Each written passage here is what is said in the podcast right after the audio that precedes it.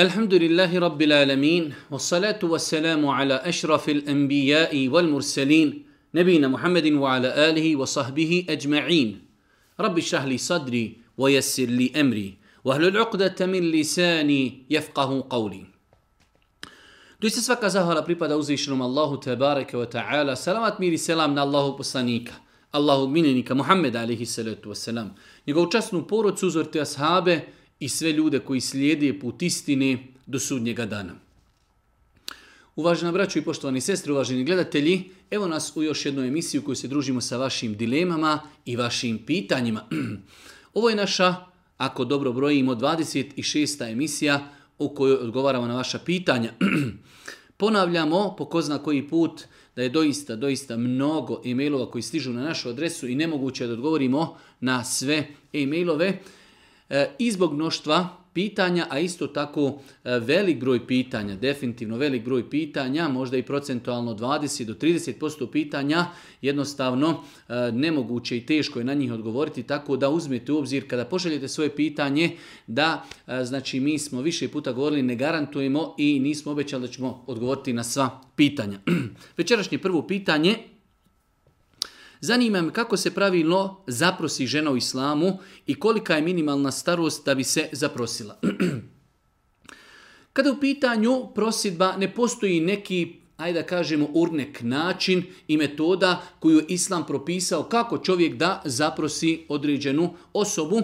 Ono što je, ajde da kažemo, nešto klasično, standardno jeste da čovjek ode i porazgovara sa roditeljima o djevojke, da se upozna sa djevojkom, obavi sa njom nekoliko razgovora, koliko mu je dovoljno da upozna tu djevojku, da svati da li ona odgovara njemu, da ona svati da li on odgovara njoj. Nakon toga traži se saglasnost njenog staratelja za brak, svakako sa saglasnost, saglasnost te ženi, e, znači da li je ona saglasna za brak. Ako znači imamo tri saglasnosti muža, staratelja, djevojke koja se že uzima i udaje, to je dovoljno za validnost braka uz ostali uvjete koji su propisani da bi brak bio validan. Tako da ne postoji određen urnek ili e, određena posebna metoda kako se prosi djevojka u islamu. Generalno znači ljudi kada čuju da kod određenog insana ima čirka koja je na udaju, odlazi, porazgovaraju sa njim, upoznaju se sa tom djevojkom, obavi eh, u prisustvu njenog oca, njenog brata, njene majke, sa tom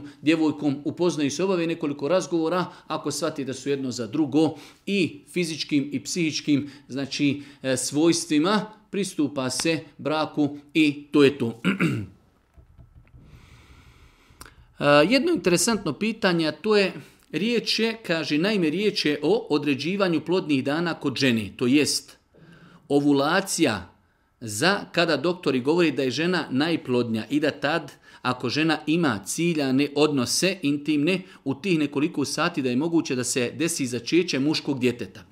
Kaže pitanje da li je s vjerske strane dozvoljeno pratiti preko ultrazvuka e, mjerenje temperature i ostalih pomagala pa da tada ima osoba ciljano intimni odnos radi ostvarenja trudnoće u želji da će dobiti muško dijete. Osoba koja ima žensko dijete, da li ima mogućnost da prati da li je to šerijetski dozvoljeno da prati u kojim danima će imati intimni kontakt kako bi, nadajući se, dobila muško dijete, nema nikakve smetnje. Islamski učinjaci kažu nema nikakve smetnje da insan čak i prilikom e, vještačke oplodnji, ako čovjek može da utječe prilikom vještačke oplodnji, pa hajde da kažemo e, da Jednostavno, ako može da traži ili da insistira ili da poduzme faktore, pa da dijete koje dobije bude muško ili žensko, uz Allahu pomoć nema u tome ako Bog da ništa sporno. Tako da u ovom momentu kada je u pitanje, znači da li je dozvoljeno pratiti stanje, stanje znači e, žene e, i, i e, Evo ovdje kao što je spomenuto i temperaturu i mnoge druge određene stvari, da li je dozvoljno pratiti kako bi se desio intimni kontakt između muža i supruge u određenom vremenu u želji da se e, žena zatrudni i da bude muško dijete, nema ništa ako Bog da sporno, e, znači s aspekta islama u tomi. ako sam prekršio zaklit, potrebno je nahranim deset siromaha e, i nakon toga duže pitanje, Pitanje da li je dozvoljeno uplatiti iskup za 10 siromaha preko određenih humanitarnih organizacija. Ono što možemo kazati jeste da je najbolje da se čovjek lično potrudi da on svojom rukom e, da taj iskup siromasima i da bude siguran da je to dostavljeno na pravu adresu. To je nešto što je najbolje. Ali isto tako, s druge strane, određen broj ljudi ili su zauzeti ili ne poznaju siromaha i tako dalje, žive možda u nekim državama gdje jednostavno teško je naći siromaha, e, da li mogu to urati preko humanitarnih organizacija? Mogu. S tim što treba tim humanitarnim organizacijama prilikom uplate naglasiti ovo je za iskup. Ovo treba znači da se uzme jedan dobar e, obrok hrane za ovaj moj novac kojeg vam ja uplatim i da ga znači uzmete 10 E, obroka i da ih podijelite siromašnim ljudima. Znači da se naglasi kako jednostavno te pare koje se uplate ne bi bile e, usmjerene u neki drugi projekat ili da se možda e, ta hrana podijeli nekom drugom. Da se eksplicitno kaže i određene humanitarne organizacije to imaju jednostavno određen, određena ponuda iskup za zakljetve. I onda se kaže ja se iskupljujem za jednu zakljetvu, treba 10 siromaha, ne znam, jedan obrok je možda 5 maraka, 10 obroka 50 maraka i tako dalje. U svakom slučaju, ako je to povjerljiva organizacija, i ako im se pojasni da mi želimo da to bude iskup za zakljetvu i da oni to poslije urade, uz Allahu pomoć nema u tome ništa sporno. Je li ispravan namaz čovjeku koji klanja u šorcu iznad koljena? je li ispravan namaz osobi koja klanja u šorcu koji je iznad koljena? U svakom slučaju, velik broj islamskih učenjaka, džumhur, to kažu, znači postoji jedan termin, džumhur islamskih učenjaka smatrao je da koljeno nije stidni dio, nije stidni dio čovjekovog tijela, tako da ako bi čovjek klanjao i njegova odjeća dosezala do koljenja, njegov namaz je ispravan. Ali u svakom slučaju čovjek treba da shvati da je taj njegov namaz nešto veliko, krupno i da on u tom momentu stoji pred svojim gospodarom, Allahom subhanahu wa ta'ala, tako da bi trebalo izbjegavati namaz u odjeći koja je iznad koljena, nije pokrila koljena. Ali ako bi čovjek klanjao u takvoj odjeći koja dosiže do koljena, direktno do koljena, ali nije pokrila koljena, nadamo se ako Bog da je da je takav namaz ispravan po stavu većinskom dijela islamskih učenjaka. Je li obaveza svakog muslimana i muslimanki da imaju testament prije nego preseli na ahiret? Kada u pitanju testament, testament je oporuka u kojoj čovjek oporučuje da se određen dio imetka njegovog nakon njegove smrti e, usmjeri u određene dobrotvorne svrhe ili nešto što on želi.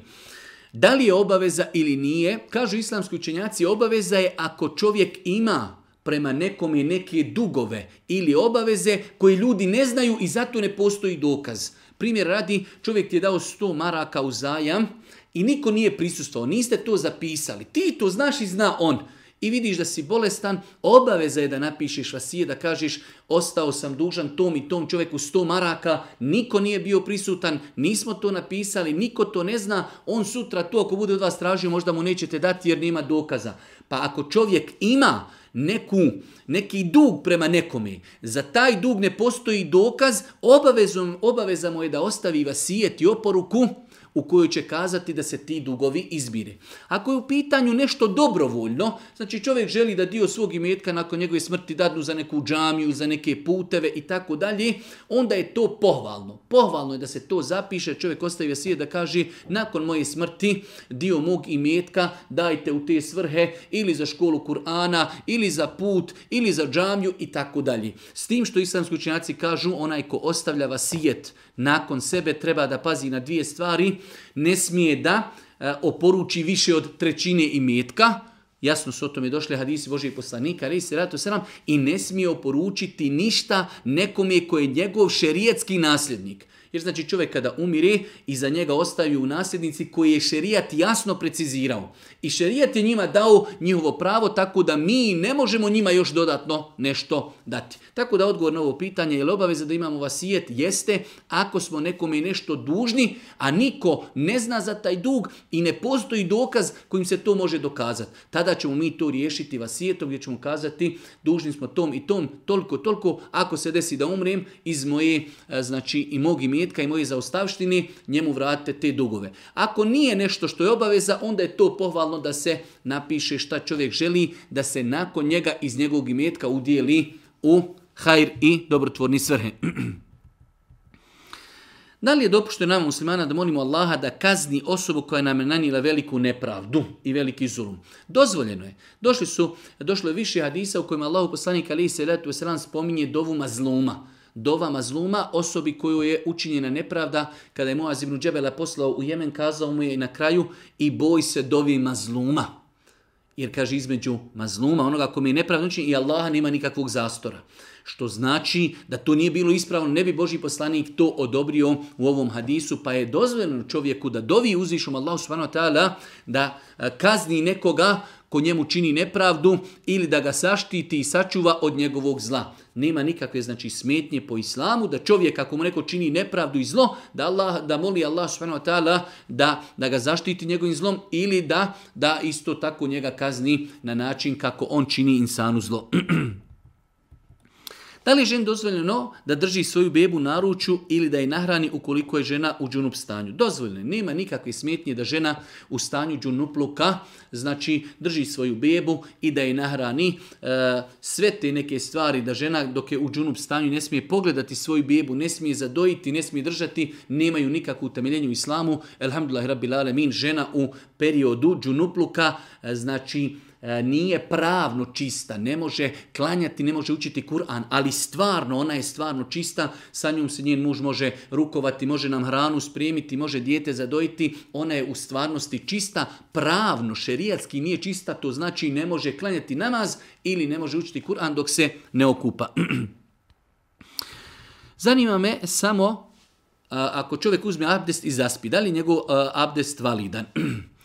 Kada je u pitanju san, da li san kvari abdest ili ne, postoji jako razilaženje kod islamskih učenjaka. Ono što je Allah najbolje zna e, središnje i najispravnije mišljenje jeste da e, osoba koja ako bi uzela abdest i dremuckala, kao što je došlo u hadisma da su Allah, hadi, ashabi Allahog znali doći u džamiju i ček, iščekivati jaciju, kaže, njove su glave padale. Znate kad čovjek ono kad je malo pospan, pa dremucka pa mu glava pada, to ne kvari to ne kvari abdest sve dok je čovjek u datom momentu svjestan šta se oko njega dešava. Čovjek možda malo ono kod remucka, ali čuje on ljude oko sebe i da kad bi izgubio abdest, pustio vjetar, on bi to znao. Za razliku od čovjeka koji zaspe, znači što kaže naš narod tvrdim snom, da jednostavno izgubi osjećaj, probudi se i ne zna je spavao minut ili pola sata. U takvom slučaju čovjek treba da obnovi takav, u takvom slučaju čovjek treba da obnovi abdest, znači ako bi čovjek zaspao tvrdim sno, gdje je zahrkao, gdje je izgubio, znači osjećaj da li je pustio vjetar, nije pustio vjetar, e, da li, znači, da li je spavao minut, dva, pet ili deset. On je zaspao tvrdim snom, u tom slučaju potrebno je promijeniti abdest. Jedno duže pitanje, ali opasno pitanje, e, kaže imam pitanje u vezi odnosa prema mome ocu i tako dalje e, moj, tako stoji u pitanju, otac i majka žive 30 godina. Unazad dvije godine kada moj otac počinje da sumnja u čas moje majke i ne samo da sumnja, nego da je i javno potvara za blud. Naravno, moja majka, kao i svaka žena koja, e, koju obraz i čast budu dovedeni u pitanje, se brani i pokušava da dokaže da je čista obraza i tako dalje. E, znači, imamo slučaj gdje čovjek svoju suprugu potvara za blud i nemoral i ne stidi se toga. Žena to poriči, do te mjere došlo je, znači pošto je dugo pitanje, kaže ta žena čak razmišlja da izvrši samoubistvo i da ostavi oporuku da je tu radila zbog toga što je muž potvara, a s druge strane njena na ju savjetuje da napusti tog insana zbog toga, ali ona ne želi kao ako ga napusti to će biti kao dokaz da je e, potvora na nju tačna pa je pitanje kako se opoti prema tom čovjeku ono što trebamo znati kada je u pitanju islam. Strogo, strogo je zabranjeno nekoga potvarati za blud. U islamu se blud dokazuje na dva načina. Samo su dva načina. Čovjek prizna, počinioc kaže jesam, počinio sam blud. I drugo, da četiri osobe posvjedoči da su vidjele blud. Da su vidjele blud. Ne samo da kažu vidjeli smo čovjek i žena leži, pod jorganom. Ne. Moraju vidjeti blud. Moraju vidjeti blud. To su dva načina kako smijemo za nekoga kazati da je počinio blud. Tako da u ovom slučaju čovjek, kao što je došlo u ovom pitanju, nema nikakav dokaz, samo kaže sumnja. Haram je strogo zabranjeno potvoriti osobu i kazati E, počinila si blud bez ikakvih dokaza. Svakako da ovoj sestri i, i tekako savjetujemo toj sestri koja je potvorena da ne čini, ne daj Bože, to što razmišlja o tome da počini samoubistvo, e, znači pa čak i e, u, u smislu i da treba ne otići od te kuće, i da treba ne otići, to je manji problem nego ne daj Bože da uradi jedan od najvećih griha u islamu, a to je samoubistvo. Tako da ako zaista ne mogne više trpjeti, pa i da ode, znači e, da se vrati svojima ili da e, počne živjeti zaseban život, to je mnogo e, manji problem nego ne daj Bože da, da podigne ruku na sebe. Svakako da ovog insana trebaju e, savjetovati i njegova čerka, ali isto ljudi koji su njemu autoriteti, da im se kaži da je to problem i da ga ljudi pozovu na odgovornost, da sjednu sa njim, da sa njim porazgovaraju i da mu kažu da to što radi je strogo zabranjeno u islamu potvora ženi, da čini blud bez, bez dokaza. da li je dozvoljeno igrati stoni tenis i obični tenis? Stoni tenis i obični tenis kao pojava, nema ništa u, tome je sporno da čovjek se bavi stonim tenisom ili tenisom. E sada, mogu biti neki sporedni faktori oblačenje prilikom igranja tenisa, ako je u pitanju žena, ako je u pitanju muškarac, znači ambijent i tako dalje. Ali sam stoni tenis ili obični tenis, znači po islamu nema ništa sporno da se insan bavi stonim tenisom. Imamo jedno pitanje od osoba koje imaju strah, napade, panike i poteškoću kada idu u džamiju gdje se više ljudi okuplja. Znači imaju, imaju slučajevi, svima je to nama poznato, osobe koje imaju napade straha, ne smiju da se miješaju sa ljudima, strah je izići na ulicu, otići u džamiju, eh, imaju jednostavno, umisle sebi da svi nešto gledaju u njih, svi ih prate, svim žele neko zlo i tako dalje. E, kako rješavati takve stvari? Svakako konsultovanje sa medicinom, e, znači uzimanje određene terapije koju doktor propiše. S druge strane, isto tako ako ima potrebe otići na rukiju, ali i borba. Znači tu dolazi do izražaja da čovjek jača samopouzdanje, borba, druženje sa hajdli ljudima s kojima će čovjek prevazići takve stvari, da pozove prijatelja, hajde dođi sa mnom, da idemo zajedno u džamiju, da se jednostavno čovjek natjera. Ako ma, znam slučajeve gdje ljudi ne smiju izići iz zgradi do prvi, znači do prve prodamci koja je daleko od zgradi 20-30 metara, boji se, straga je, e čovjek to treba nadvladati. Treba se nositi sa time, jačati samopouzdanje. Tu dolazi do izražaja isto tako i dova i vjerovanje u Allaha, vjerovanje u kader, oslanac na uzvišnog Allaha subhanahu wa ta'ala, pomoć prijatelja, da dođu prijatelj, kažu hajde sa nama zajedno, evo pogledaj kako djeca na ulici igraju se, nikoga nije strah, hajde da to zajedno nadladamo. Znači, dova Allahu te ta'ala čitanje knjiga koje govori o Allahu, da je on mogući, da je on stvoritelj, da se ništa ne može desiti na planeti, znači e, bez njegove dozvolje, vjerovanje u kader, vjerovanje u sudnji dan, e, vjerovanje u odredbu, sve te stvari jačaju čovjeku samopouzdanje da nadlada ove strahove.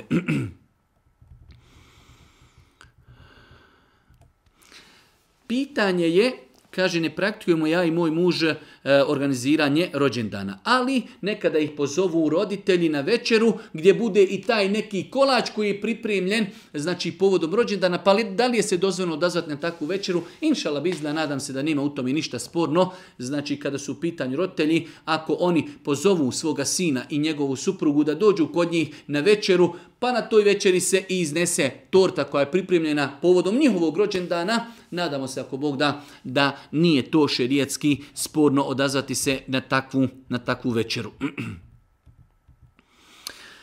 Kaže, pošto na nekim kontinentima država noći, e, nisu noć i dan istovremeno, da li to znači, kao što je potvrđeno, da se u zadnjoj trećini noći Allah spušta na dunjaličko nebo za sve kontinente ili samo gdje je vremenska zadnja trećina noći i tako dalje. To je jedna nejasnoća koju ću vam ja pokušati lakše malo pojasniti. Pitanje je, znači mi imamo vjerodostan hadis da Allah poslanik kazao uzvišeni Allah s.w.t. se u zadnjoj trećini noći spušta na odunjalčko nebo i govori ima li neko da traži pomoć pa da mu pomogne, ima li neko da moli oprost grijeha pa da mu oprostim grijehe. Onda dolazi taj filozofski pristup islamu i razumijevanju e, islamskih dokaza, pa kažu pa dobro, zadnja trećina noći ako gledamo, znači uvijek je negdje zadnja trećina noći, ili to znači da je uzvišen Allah subhanahu uvijek na dunjalučkom nebu i tako dalje. E, ova nejasnoća dolazi e, iz momenta kada ne spoznamo Allaha Đelešanu i poredimo Allaha sa njegovim stvorenjima. Ovo što se iznosi ova nejasnoća, ona dolazi samo u obzir kada se radi o nama, kada se radi o stvorenjima. Uzvišeni Allah lejse ke mislihi Ništa mu nije slično. Kul Allahu ahad Allahu samed lem jelidu lem u lem je kullahu kufuvan ahad. Pa Allahu ništa slično nije. Ako nam je Allahov poslanik koji ne govori po hiru svome, u vjerodostojnom hadisu kazao uzvišeni Allah se spušta svake večeri, u zadnjoj trećini noći, na dunjalučko nebo i pita ima li neko da traži oprost pa da mu oprostim, ima li neko da nešto iši i traži pa da mu dam, samo kažemo se mi'na wa altana, čuli smo i pokoravamo se. Allah se spušta spuštanjem koji njemu doliči, ne spuštanjem koje mi možemo zamisliti i onako kako to radi stvorenja. Kada spoznamo Allaha, kada spoznamo da njemu ništa slično nije, ne može nam šeitan doći sa ovom nejasnoćom. Stavi slama o vjerovanju u duhove. Da li postoje duhovi? Od djetinjstva svi nešto slušaju, imaju li duhovi, nemaju li duhovi i tako dalje. Kada je u pitanju islam, prema islamu, kada su u pitanju stvorenja, postoje ljudi, postoje džini, postoje meleki i šeitani. Znači, to su četiri vrste kategorije koje, e, su potvrđene Kur'anom i sunnetom. Postoje ljudi, postoje meleki, postoje džini i postoje šeitani. Četiri kategorije. Može se desiti da džini ili šeitani se preobrazi i da se znači u datom momentu isla, insanu prikažu određenoj pojavi pa ljudi jednostavno od toga prenoseći to šta se desilo e, izmisle i priče o nekim duhovima. Znači može se desiti pošto znamo znači da uzviše Allah SWT e, dao mogućnost melekima, džinima i šetanjima da se e, preobrazi u određene stvari, u određene osobe, može se desiti može se desiti da se ta njihova preobrazba i ukazivanje nekima e, znači protumači na takav način. Što se tiče e, dokaza koji potvrđuju da postoje duhovi, u islamu ne postoji nešto što potvrđuje da postoje stvorenja, mimo ovih stvorenja koja smo spomenuli, ljudi, meleki, džini i šeitani. Pitanje kakvi su šerijetski propis po pitanju ulične prodaje. Moj muž često ima ponudu robe o kojoj ne zna porijeklo. Da li je samo dovoljno pitati je li ukradeno i do koje granice treba ispitivati? U svakom slučaju kada je u pitanju ta neka prodaja na ulici, e, ako čovjek ima neku sumnju, pa upita čovjeka i kaže pazi, ovo mi djeluje jeftino da nije ukradeno, kaže nije garantujem ti, nije na nije ukradeno, čovjek ima pravo da to kupi. Znači u islamu, u islamu e, ono što je zabrajno, zabrajno kupiti nešto za što sigurno znamo da je, da je ukradeno. Znači ako znamo da je nešto ukradeno, čovjek nam kaže ukrao sam, hoćeš li kupiti? Neću jer to nije u osnovi tvoje i na taj način ja odobravam i podržavam krađu. Ali ako nam neko nešto prodaje, pa čak i nekada ako prodaje ispod cijene, jednostavno zna se desiti slučajeva da ljudi prodaju nešto jednostavno jer im se žuri. Čovjeku je zapilo, treba da proda mobitel, treba da proda auto, treba da proda kuću, kuća vrijedi 200.000, kaže ja prodajem za 100, žuri mi se. Mobitel vrijedi 2.000, on ga prodaje za 1.000 jer mu se žuri. Jest, to je neki pokazatelj, ali ono što mi možemo jeste da provjerimo, da upitamo je li tu ukradeno, imate li porijeklo, ako ima, mi možemo kupiti tu robu bez obzira što je cijena, znači možda i jeftinija, zato što se i tekako Veoma često može desiti da ljudi određenu stvar iz svoje kuće više nemaju za njom potrebe, žele da je prodaju, da je se riješi, pa makar i po jeftinjoj cijeni. Ono što je strogo zabranjeno jeste da kupimo ono što znamo da je ukradeno ili postoji ogromna sumnja. Jednostavno, postoji ogromna sumnja znači da bi to mogla biti ukradena stvar. Pitanje, s obzirom da svakodnevno radim i tako dalje, e, desi se da mušterije ostaje više novca od onoga što je usluga. E, to se zove bakšiš. Da li je dozvoljeno uzimati bakšiš? Jedno izuzetno komplikovano pitanje, iako izgleda lagano pitanje, da li je dozvoljeno uzimati bakšiš? Ono što možemo kazati jeste da e, najbolja stvar bi bila kada je u pitanju osoba koja radi, u većini slučajeva bakši se e, uzima e, u, u ugostiteljstvu.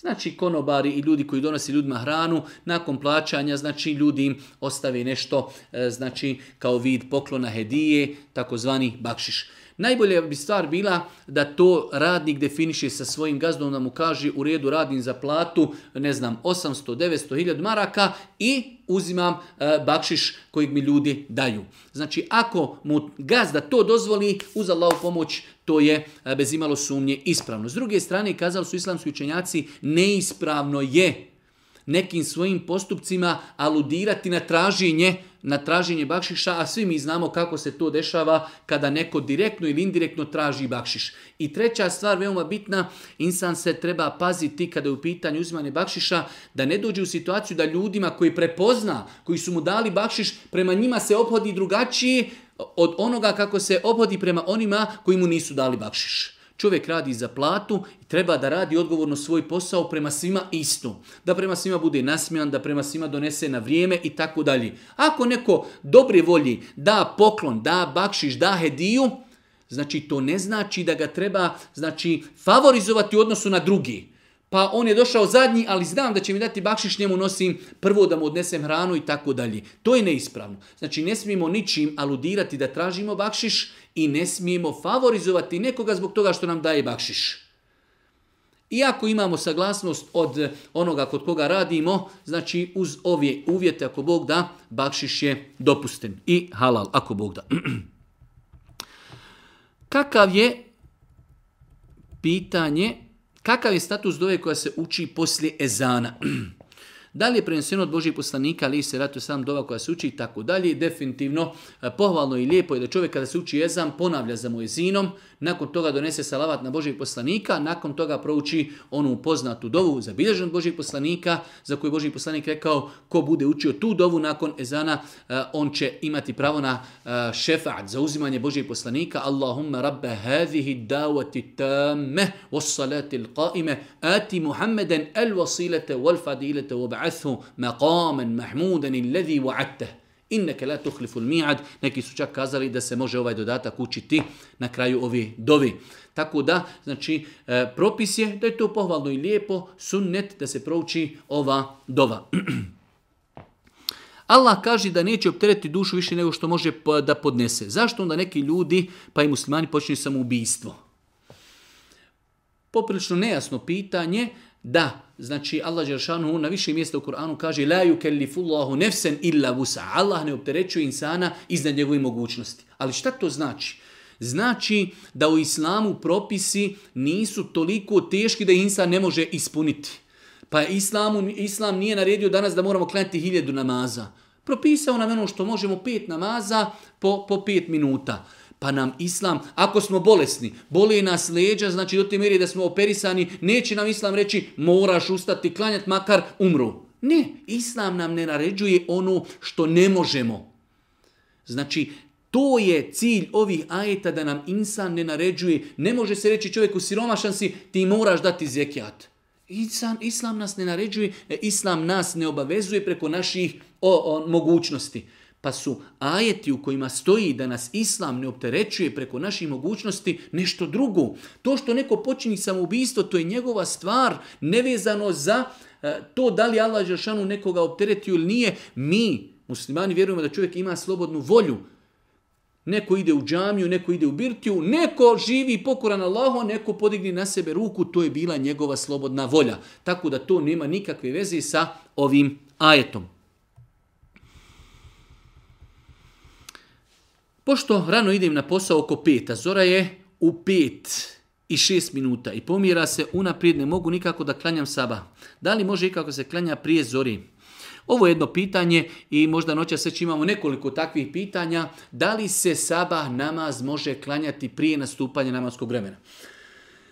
Ako sigurno znamo kada nastupa namasko vrijeme, po konsenzusu islamskih učenjaka nije dozvoljeno klanjati namaz prije namaskog vremena. Ako smo sigurni Zašto kažem sigurno? Zato što postoji različite vaktije i tako dalje. Ali ako smo sigurni da je to vrijeme nastanka namaskog vremena, da li možemo klanjati 5 minuta ranije? Ne možemo i takav namaz je neispravan po konsenzusu islamskih učenjaka. Znači ako znamo da podne nastupa u 12.35. Po svim vaktijama u 12.35 nastupa podni. Možemo li mi klanjati u 12.25? Ne možemo i namaz koji je obavljen prije namaskog vremena nije ispravan po konsenzusu islamskih učenjaka. U ovakvim slučajevima mi savjetujemo našu braću i sestre da od krenu pod abdestom, E, pošto se zna desiti, možda čovjek počinje rati od 7 sati, treba da se vozi saha tipo u autu ili e, vozu ili ne znam nija gdje, znači jednostavno to vrijeme Sabaskomu prođe u njegovom putovanju, tada kažemo da osoba treba da kreni pod abdestom u putu da klanja onako kako može, znači da se negdje zaustavi na nekoj stanici da klanja ili ako se vozi autom na nekom proširjenju, na nekom parkingu ili kada dođe pred firmu da klanja pred firmom i tako dalje. Ali se čovjek treba potruditi da krene od kuće pod abdestom i u međuvremenu kako nastupi sabahsko vrijeme do znači izlaska sunca da nađe ti nekih 5 minuta ako ništa za farze gdje će negdje stati na neku stanicu ili proširenje ili neki parking ili kada dođe u firmu prije nego što znači kada ode možda u neko mjesto gdje će se presvući da tu znači u nekom čošku samo prostri svoju jaknu i tu klanja dva rekiata farza i uz Allahu pomoć oni ispuni ono što se od njega traži. Pitanje, zanima me pitanje bradi, da li je dozvoljeno da se po vratu i obrazi malo obradi, to jest oblikuje brada.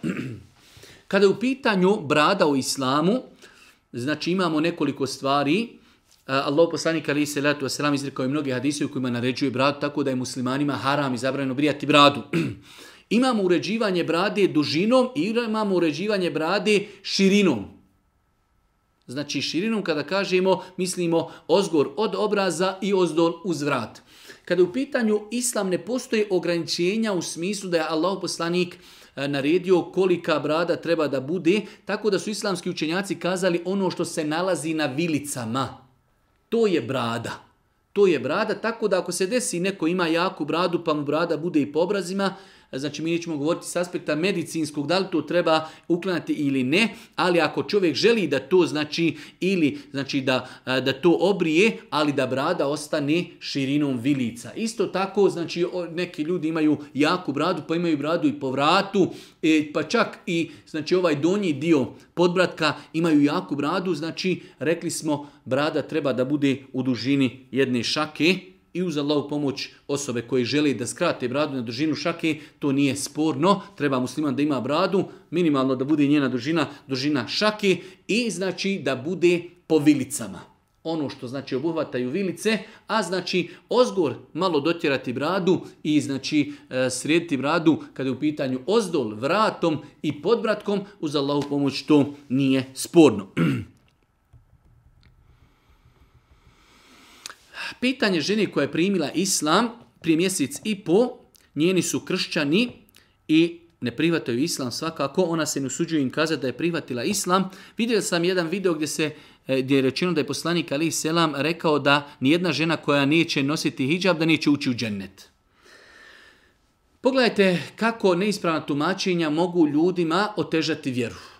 Neispravna tumačenja. Da, apsolutno po konsenzusu po islamskih učenjaka nositi hijab je obaveza. Punoljetnoj ženi je obaveza nositi hijab. Ali isto tako, pogledajte situaciju, žena je tek primila islam.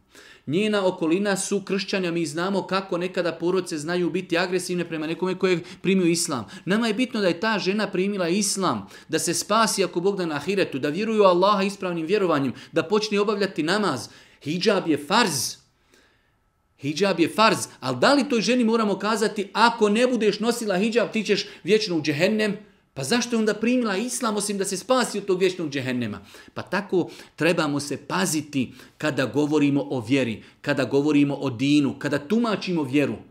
Ne nositi hijab je grijeh ali nije to toliki grijeh da zbog toga čovjek izlazi iz islama i da će vječno zbog toga biti uh, u džahennemu. Pa je naš savjet ovoj našoj sestri da pokuša sebi obezbijediti uvjete gdje će ako Bog da moći nositi hijab, da li se to radi e, znači e, da se uda, ne znamo da li udata, pošto ne piše u, pismu, u ovom pitanju, da li će znači na neki drugi način omogućiti sebi uvjete da nosi hijab, ali ako je zaista u takvoj situaciji da živi u poroci gdje bi obznanila islam i stavila hijab, da bi možda bila podvrgnuta tolikim torturama, da bi možda morala ostaviti islam, u tom momentu, znači, e, kažemo, nošenje hijjaba je naredba, ali onog momenta kada ti to mogniš sprovesti, ako Bog da, do tada moli Allah Đelšanu da te učrsti, da te pomogni, da ti oprosti grijehe, a znači, ne nošenje hijjaba jeste grijeh, ali ne toliki grijeh da kažemo da onaj ko ne nosi hijjab će vječno ostati u džehennemu. Pa je to neispravno tumačenje.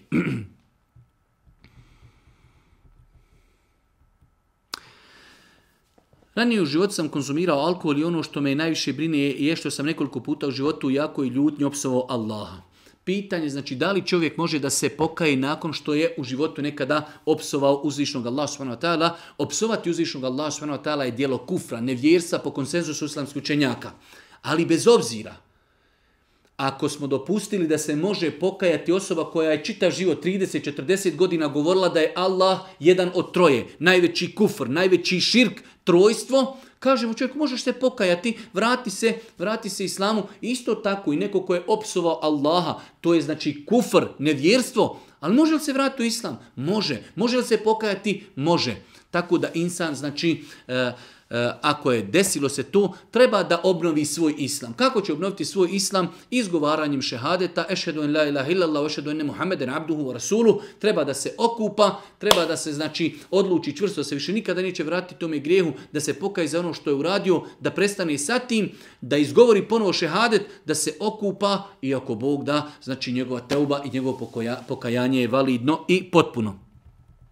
Kako se braniti od šitanskog došaptavanja? Najbolji vid zaštite zaštita od šitanskog došaptavanja jeste da se čovjek utiče Allahu od šitana, znači uticanje, Allahu subhanahu wa ta'ala od šetana dovom i ignorisanjem. To su možda tri najbitnije stvari kako se znači sačuvati od šetanskog došaptavanja jeste da čovjek traži pomoć od uzvišnog Allaha, euza, Euz billahi mine šitan rađim, dovu molti Allah da nas sačuva i s druge strane ignorisanje.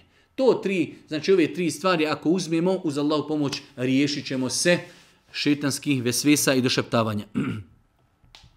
Vaše mišljenje o braku pravoslavca i muslimanki u kojim se obostrano poštuju obje vjere. Kada je u pitanju udane ženi muslimanki za nemuslimana bilo kojeg, za bilo kojeg muslimana, takav brak je neispravan. Znači, bez obzira o kakvom nemuslimanu se radilo, da li se radilo o kršćanu, da li se radilo o židovu, da li se radilo o bilo kojoj vrsti nemuslimana, ne postoji opcija da je ženi muslimanki dozvoljeno da se uda za nemuslimana. Prema konsenzusu islamskog učenjaka, znači haram je, neispravno je da se žena uda za čovjeka nemuslimana. To što stoji u pitanju da se poštuju religije i to, to je nešto drugo. Pitanje je da li žena s aspekta islama može da se uda Takav brak je neispravan. E, intimni kontakt u takvom braku se smatra s aspekta islama blud. Tako da znači e, e, udati se za nemuslimana je haram strogo zabrajno. Muslimani, muslimani imaju mogućnost opet s aspekta dokaza da musliman može oženiti kršćanku ili židovkinju, znači termin koji islam koristi za židove i kršćane zajedno jeste ehlul kitab pod uvjetom da su moralne. Iako i to ulema nije, hajde da kažemo, podržavala i odobravala, ali s aspekta je li dozvoljeno, dozvoljeno ženti kršćanku ili židovkinju koje su čestite i moralne. Čusto sam se pokajao zbog grijeha koji sam činio i želim da naučim da klanjam i E, proširim svoje znanje. Šta mi savjetujete? Kada je u pitanju namaz, mi smo nekoliko puta o tome govorili, lično smatram da knjiga doktora Safeta Kudzovića, svojstva namaza Božijeg poslanika, ali se sram je jedna od najboljih knjiga napisanih na bosanskom jeziku o namazu. E, imate tu skromno moju knjigu koju sam napisao o namazu, namaz radost sloka moga koja ima tri poglavlja. U prvom poglavu govori o bitnosti namaza, u drugom o greškama namaza, u trećem govori o načinima i metodama kako pojačati koncentraciju namazu. Smatram da ove dvije knjige kada čovjek objedini dosta, dosta toga će o namazu naučiti. Tako da znači kada je u pitanju učenje o namazu ove dvije knjige koje ko objedini, nadamo se ako Bog da su mu dovoljne, a kada je u pitanju drugo znanje, prvenstveno najbitnije da čovjek nauči akidu, ispravno vjerovanje dogmu, znači šta je čovjeku obaveza da vjeruje u pogledu svoga gospodara Allah subhanahu wa ta'ala svakako, znači e, knjige koje tretiraju šest imanskih šartova, znači vjerovanje u Allaha, u meleke, u poslanike, u sudnji dan, u kader, znači veoma je bitno da se te stvari ispravno nauči.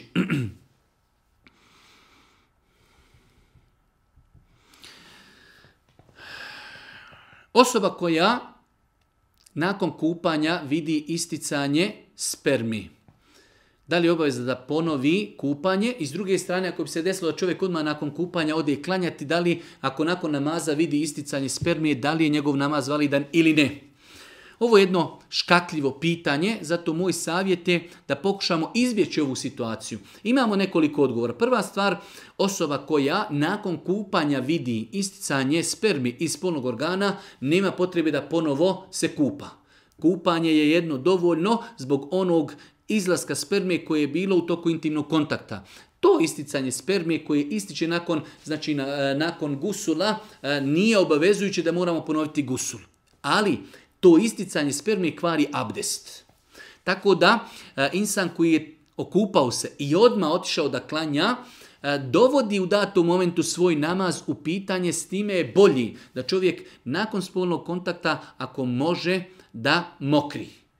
Na taj način će se znači, e, spolni organ očistiti od spermi i kada se okupa sigurno više neće imati problema sa tim. Za razliku od osobe koja se znači nakon intimnog kontakta odmah kupa, a nije mokrila, imat će jedan period u kojem će možda 10, 15, 20 minuta, znači još će sperma isticati iz e, spolnog organa, tako da ili u tom momentu sačekati da prestane isticanje sperme iz spolnog organa, pa nakon toga e, ponovo lijepo e, okupati, o, okupati ili uzeti abdest i klanjati, ali ako odmah se klanja, a čovjek nije mokrio, sigurno ima taj period u kojem ističe sperma i na taj način čovjek dovodi svoj namaz u pitanje. Ne kažemo da je namaz neispravan jer ne znamo je li došlo do isticanja sperme i kada je došlo. Je li u toku namaza ili nakon namaza. Tako da bi čovjek izbjegao te vesvese ili da to riješi na način da nakon intimnog kontakta mokri,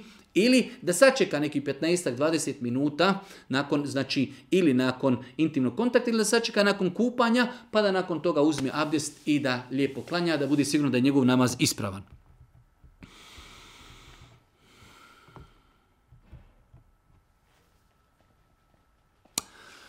E, postavljam se pitanje da nekada kada citiram određene hadise kao što su hadisi koji govori o vrijednosti odnosno mjestu muža u islamu, kako žena treba da se obhodi prema mužu, onda kažu nam e, da takve hadise nekada neko zloupotrebljava. Ne možemo mi ništa onim ljudima koji žele da zloupotrebe određene stvari. U islamu islam je savršen i potpun, pa je islam propisao obaveze ženi, ali i prava ženi, a i muž ima i obaveze i prava. To što će se neko pozivati na hadise koji govori o vrijednosti e, muža i tome kako se žena treba obhoditi prema mužu, to samo ukazuje e, na da, u datom momentu na njegovo zloupotrebljavanje svega toga. Islam je savršen u redu, imaš ti svoja prava, ali imaš i obaveze. Pa kao što želiš da neko prema tebi ispuni prava i ti treba da ispuniš svoja, svoje obaveze prema nečim drugim pravima, tako da e, ne možemo mi kada god citiramo neke argumente citirati i druge neke argumente kako to niko ne bi zloupotrebljavao. E, insan treba da bude iskren i da argumente uzima, da ih prihvata bez obzira da li idu njemu u korist ili u datom momentu je to nešto što e, njega nečim novim obavezuje.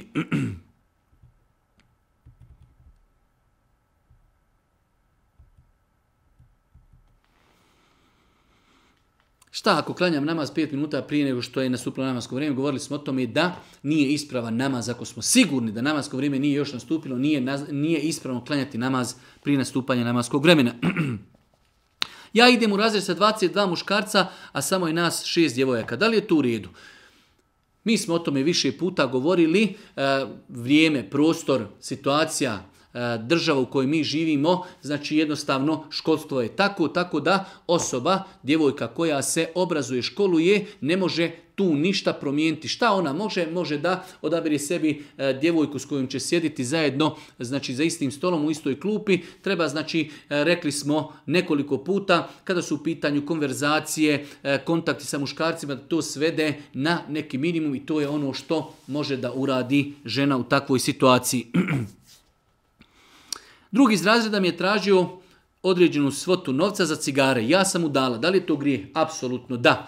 Znači Allah Đeršanu kaže u Kur'anu وَتَعَوَنُوا عَلَى الْبِرِّ وَتَقْوَ وَلَا تَعَوَنُوا عَلَى الْإِثْمِ وَلَدْوَانِ Ako kažemo da je duhan haram, da mi nekom dadnimo dio novca pa da on kupi sebi, e, makar to bilo 10 ili 20 feningi, pola marke ili marka, ne smijemo ni na bilo koji način pomoći nekoga ako znamo da će kupiti duhan. Da nam neko kaže imaš pola marke, mi mu onako dadimo, nije kazao zašto, to je nešto drugo. Ali da nam kaže jasno, treba mi pola marke ili marka da kupim kutiju cigara, ne možemo mu dati, onda smo i mi saučisnici u tom grijehu. Da li žena može živjeti sama i ići na umjetnu plodnju kako bi sama mogla imati djecu? Pogledajte kako lagano otvaramo vidike i kako počinjemo razmišljati. Može li žena živjeti sama pa da ima vještačku oplodnju, uzet će tamo nečije sjeme, znači od nepoznate osobe dobiti dijete i tako nema potrebi za muškarcom. Haram strogo, zabranjeno iz razloga Islam je dozvolio vještačku oplodnju samo kada se radi o mužu i njegovoj supruzi. Samo ako se radi znači o oplodnji, znači muž i njegova supruga. I čak šta više, supruga mora biti ta koja će nositi dijete. Kada bi uzeli znači, tečnu s muža i ženi i oplodili i neka druga žena tu nosila, to je po islamu zabrajno. A kamo li koliko je zabrajno islamu da žena uzme tamo nečiju spermu, ne znamo ni koje ni šta je, oplodi sa svojom tečnošću i nakon toga se to ubrizga u nju i ona to nosi, to je po islamu strogo, strogo, ali baš strogo zabranjeno.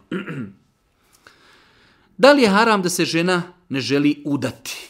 Čitajući propise obavezama žene prema svojim muževima, shvatila sam da se ne želim udati jer je to po meni ogroman teret. A ovako, hvala Allahu, imam lijep eh, život bez takvih nekih ograničenja. Pa me zanima da li je ovakav način eh, razmišljanja neispravan. Apsolutno neispravno. Allah Žešanu je stvorio ljude da jednostavno imaju potrebu. Dobro, možda sada ovo piše neka osoba koja je mlada i jednostavno ne zna šta je život, ali žensko ima potrebu za mužem, muž ima za muškarce, muškarac ima potrebu za ženom, žena ima intimne potrebe, muškarac ima intimne potrebe, a da ne govorimo o mnogim drugim blagodatima koji će doći kroz brak, od potomstva, od eh, potpomaganja, od od od zadovoljstva. Svakako, svaki brak mora imati svojih problema, trzavica, ali to je nešto pa i normalno u životu. Žena kao što ima obaveze prema mužu, ima i prava kod muža. Znači, sebi lijepog, uzoritog, čestitog vjernika s kojim će žena e, napredovati i badetiti, potpomagati se u hajru, imati čestito e, znači potomstvo, uživati u dunjalučkim svim blagodatima koje su dopuštene, pa na kraju krajeva i uživati u intimnim kontaktima. Sve su to koristi braka, tako ovakvo razmišljanje apsolutno, apsolutno Eh, negativno i neispravno. da li osoba koja je sahibil uzr, nakon što klanja namaz, može i sa tim abdestom klanjati, odnosno učiti Kur'an? Može. Osoba koja je sahibil uzr, mi smo rekli osoba koja ima trajno isticanje mokraće, trajno opuštanje vjetrova i tako dalje, eh, takva osoba kada nastupi namasko vrijeme uzet će abdest klanjat će namaz bez obzira da li e, abdest bio pokvaren ili ne i sve do, do isticanja namaskog vremena ona može klanjati na file vezane za taj namaz i može učiti Kur'an sa tim abdestom. Pitanje malo duži. E, osoba spominje da je otac umru, ostavio neke dugove i za sebe. Da li je njoj kao čerci obaveza da vrati dugove i da li ona e, može otići na hađ prije nego što se vrati ti dugovi od svoga novca. I sam su kazali da je pohvalno i lijepo da nasljednici, ako je e, onaj koji je umro njihov mejit, ostavio neke dugove iza sebe da to oni riješi. Ne kao vid obavezi ali je moralno i lijepo s druge strane mi znamo da je došlo u vjerodostojnim hadisima da znači e, čovjekova duša e, je vezana za svoj dug sve dok se ne vrati. Tako da ako želimo hajr svome mejitu trebamo mi pokušati da vratimo njegov dug, ali ne da se toliko preopteretimo da, da dovedemo u pitanje svoju egzistenciju i tako dalje. Znači ne kao vid obaveze, tako su kazali islamski učinjaci, nije obaveza djeci, nasljednicima da vrati dug. Ali ako imaju mogućnost da to vrati, svakako da je pohvalno. Tako da u ovom slučaju, da li osoba može otići na hađ, može otići njen hađ ako Bog da je ispravan i validan, e, otići na hađ i na umru. E sad, da li će ona dati prednost da e, vrati dug svoga oca ili će, ili će otići na umru i otići na hađ, tu je sad, hajde da kažemo, pitanje podležno različitim pogledima i vaganju.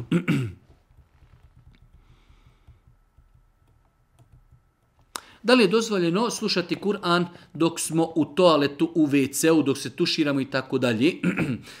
Kazali su islamski učenjaci da nema smetnje da čovjek dok boravi u toaletu, sluša Kur'an koji se uči izvan toaleta. Mnogo je bitno. Ne možemo mi sasvom unijeti e, mobitel ili ne znam neki drugi uređaj e, MP3 gdje ćemo mi pustiti sebi učenje Kur'ana koji se uči u toaletu. Ali da u dnevnom boravku ili našoj susjednoj nekoj sobi uči Kur'an, a mi to čujemo u toaletu, znači nema ako Bog da nikakve smetnje. Nema smetnje slušati učenje Kur'ana dok smo mi u toaletu, bez obzira da li mi obavljali fiziološku potrebu, abdestili ili se tuširali, ali je samo obaveza da to učenje Kur'ana ne bude unutar, unutar toaleta.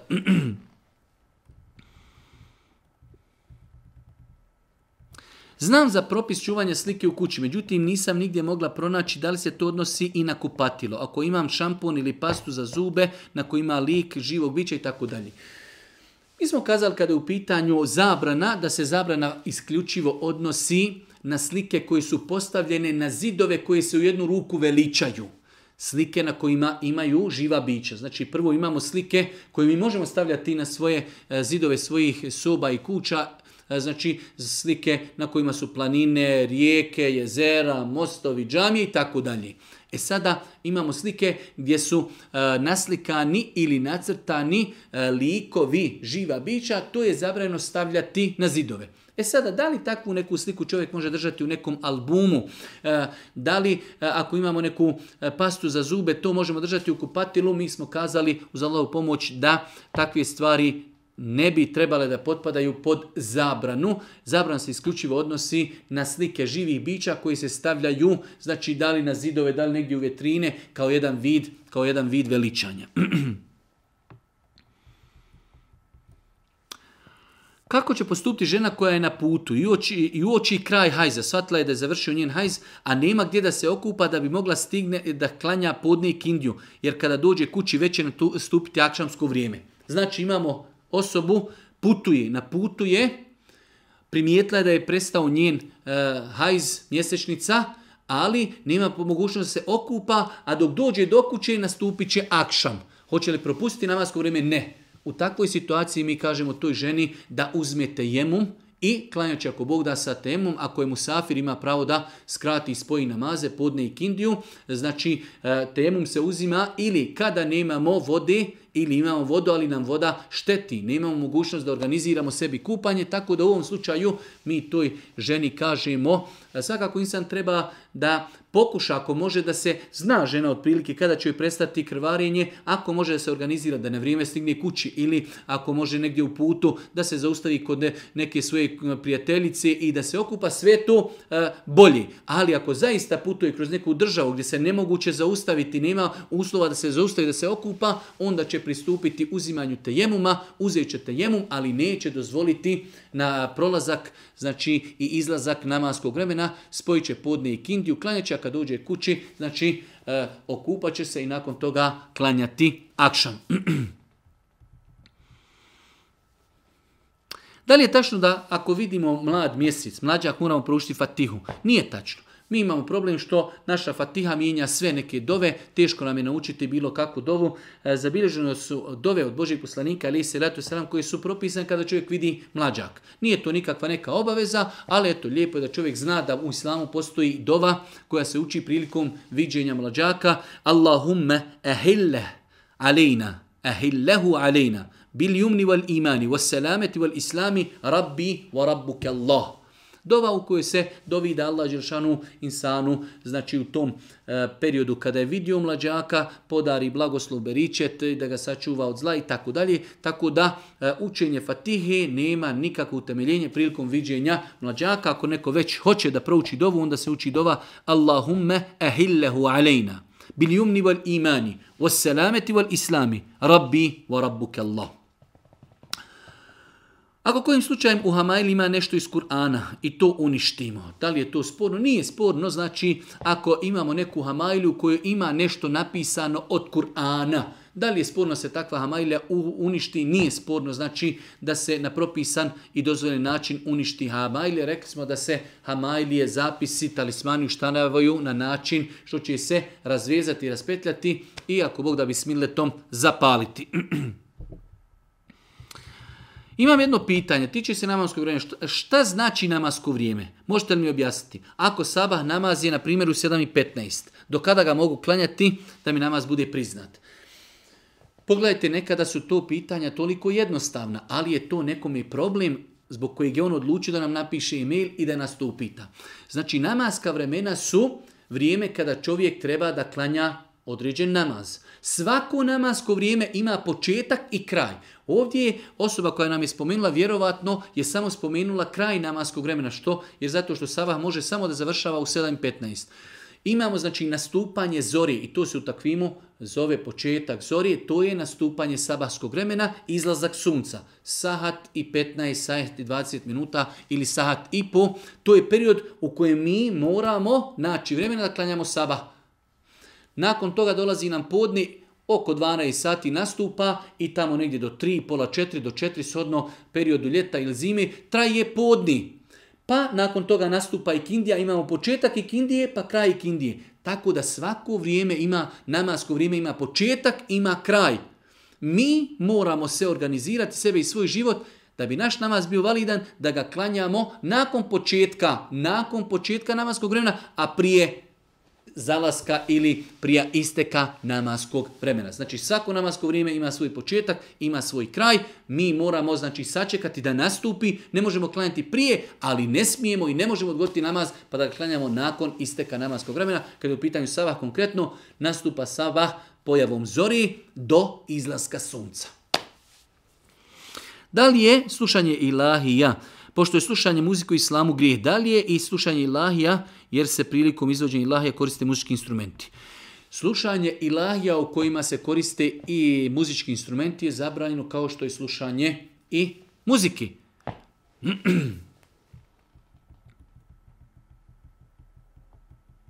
Opet pitanje da li se može sabah klanjati prije nastupanja namazskog vremena. Rekli smo da je po konsensusu islamskih učenjaka neispravno klanjati namaz. Ako znamo kada nastupa namaz, neispravno ga je klanjati prije namaskog vremena. Osobe koje imaju potrebu pokušati se organizirati da od krenu sa, znači da abdesti, da se pripreme za nama, ako bude pa ako treba ponijeti nekoj kesici sebi, neku svoju i seđadu i negdje znači nekoj stanici, na nekom proširenju, ma na nekom parkingu, kada dođemo pred firmu u nekoj slačionici, prostiti svoju seđadu, klanjati, ako ne možemo klanjati srnete i farze, klanjati samo farze, to nam je dovoljno 5 minuta i ako Bog da nakon toga krenuti za svojom nafakum.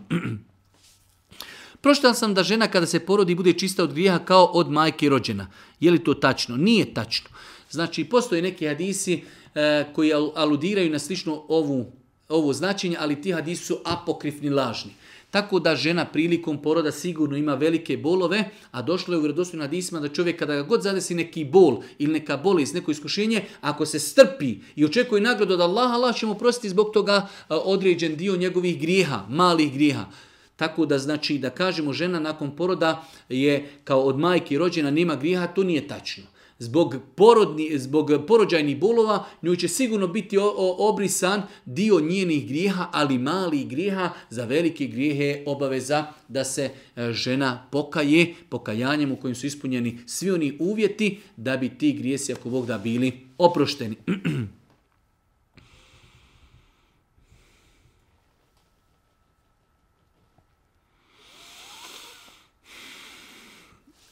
Žena ako je u radnom odnosu bila i kasnije kada zatrudni ide ona na trudničku i ona onda prima e, novac pola plate naredne tri godine iako ne radi. Da li je taj novac halal? Ili obrnuto, ako nije radila, ona dobiva od socijalne e, naredne tri godine iznos od 300 eura i tako dalje ako je to zakon države u kojoj osoba živi i insan ispuni uvjete. Mi smo kazali ako država daje određene e, poklone, privilegije određenim osobama. Ako mi ispunjavamo te e, uvjete koje država postavlja, nema nikakve smetnje da uzimamo tu nadoknadu od državi. Pa u ovom slučaju žena je radila, i nakon toga otišla na porodiljski odmor i Država joj daje u roku tri naredne godine pola njeni plati, je li to dozvoljno uzeti? Dozvoljno uzeti zato što je država sama sebe time obavezala, mi ispunjavamo te uvjete, tako da nema ništa sporno u svemu tome. I zanima me isto da li je dječji doplatak kojeg dobivamo halal.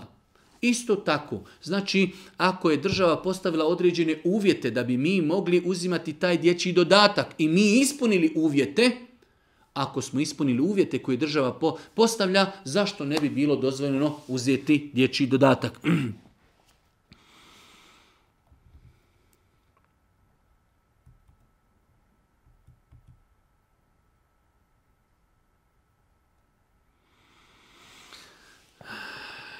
Pitanje djevojke kaže, učenica sam u srednjoj školi, nisam pokrivena, ali imam veliku želju niko od mojih znači nema nikakvu podršku i tako dalje. Pitanje je kako se nositi sa takvim problemima. Znači, e, insan u svemu tome treba da e, prvenstveno porazgovara sa svojim roditeljem, da im izrazi želj, da kaže vidite ja sam muslimanka, želim da budem pokrivena, e, da se pokorim onome što mi naređuje moj gospodar, uzvišnji Allah subhanahu da slijedim supruge Božije poslanika, alihi salatu wasalam, i jednostavno znači da ih pokuša ubijediti u takvo nešto, da dobije tu neku saglasnost. E sada, ako ne bude te saglasnosti, tu dolazi do, do ti nekih problema e, kako će se insan postaviti. E, definitivno svaka situacija iziskuje e, posebnu analizu šta i kako se postaviti. Ono što znamo jeste da žena nakon što postane punoljetna obavezuje je da nosi hijab. E sada kako će to ona implementirati ostaje znači pitanje koje je podležno, podležno analizi da se vidi kako će se postaviti žena u takvoj situaciji. Da li nekada veliki griješnik može ući u džennet? I ima li zabilježeno koja djela vode do najviših stepena u džennetu? Da li griješnik može ući u džennet? E, može griješnik ući u džennet ako se pokaje od grijeha koje je činio. Ili ako griješnik e, ima određene grijehe, ali u mnogo više dobrih dijela, pa na sudnjem danu dobra dijela prevagnu loša dijela, tako da griješnik ako je radio određene grijehe ima dvije opcije. Da se pokaje pa da mu Allah oprosti ili da uz te grije koji radio ima dobra djela koja će prevagnuti njegova loša djela. Pa zbog toga uđe, ako Bog da, u Imaju li dijela koja vode pojašnjeno, imamo knjige zasebne, imamo predavanja koja govore putevi koji vode ka džennetu, dijela koja vode ka džennetu, od kojih je vjerovanju Allaha, namaz, takvalu, lijepo ponašanje, dobročinstvo roditeljima i tako dalje. Imamo dosta dijela kroz Kur'an, analizirajući hadise, analizirajući kuranske ajete, hadise Božih poslanika, ali se selam, imamo dosta tih dijela koja, za koje je spomenuto, ko bude radio to i to dijelo, ako Bog da, ući će u džennetu.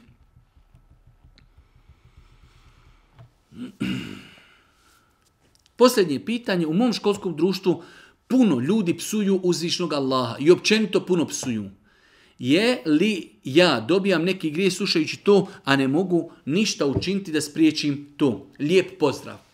To jeste jedan veliki problem savremenog doba, da omladina odrasta na takav način da jednostavno e, ima tu e, nedostatak e, kućnog odgoja, to je definitivno. Imamo da nam je naše obrazovanje zakazalo, ali imamo isto tako i taj neki trend, znači jednostavno omladina odrasta i u svemu tom nekom svojom, svome ludilu, želji, dokazivanju da su mangupi, da su oni eto porasli, onda jednostavno taj njihov vokabular je katastrofalan i mi to većinu možemo čuti kada idemo negdje u šetnju, kada prolazimo pored parkova gdje sjede djeca, gdje veoma lako čujemo da e, osobe e, opsuju nešto. Šta može insan uraditi u takvim situacijama? Treba pokušati, treba posavjetovati, treba kazati, treba kritikovati. Ako čak vidi da određene osobe psuju i da ne prihvataju savjet, pa da sebi odabire jednu, dvije, tri moralne osobe s kojima će se on družiti, svoje vrijeme provoditi, da takve osobe ignoriši, da ih znači e,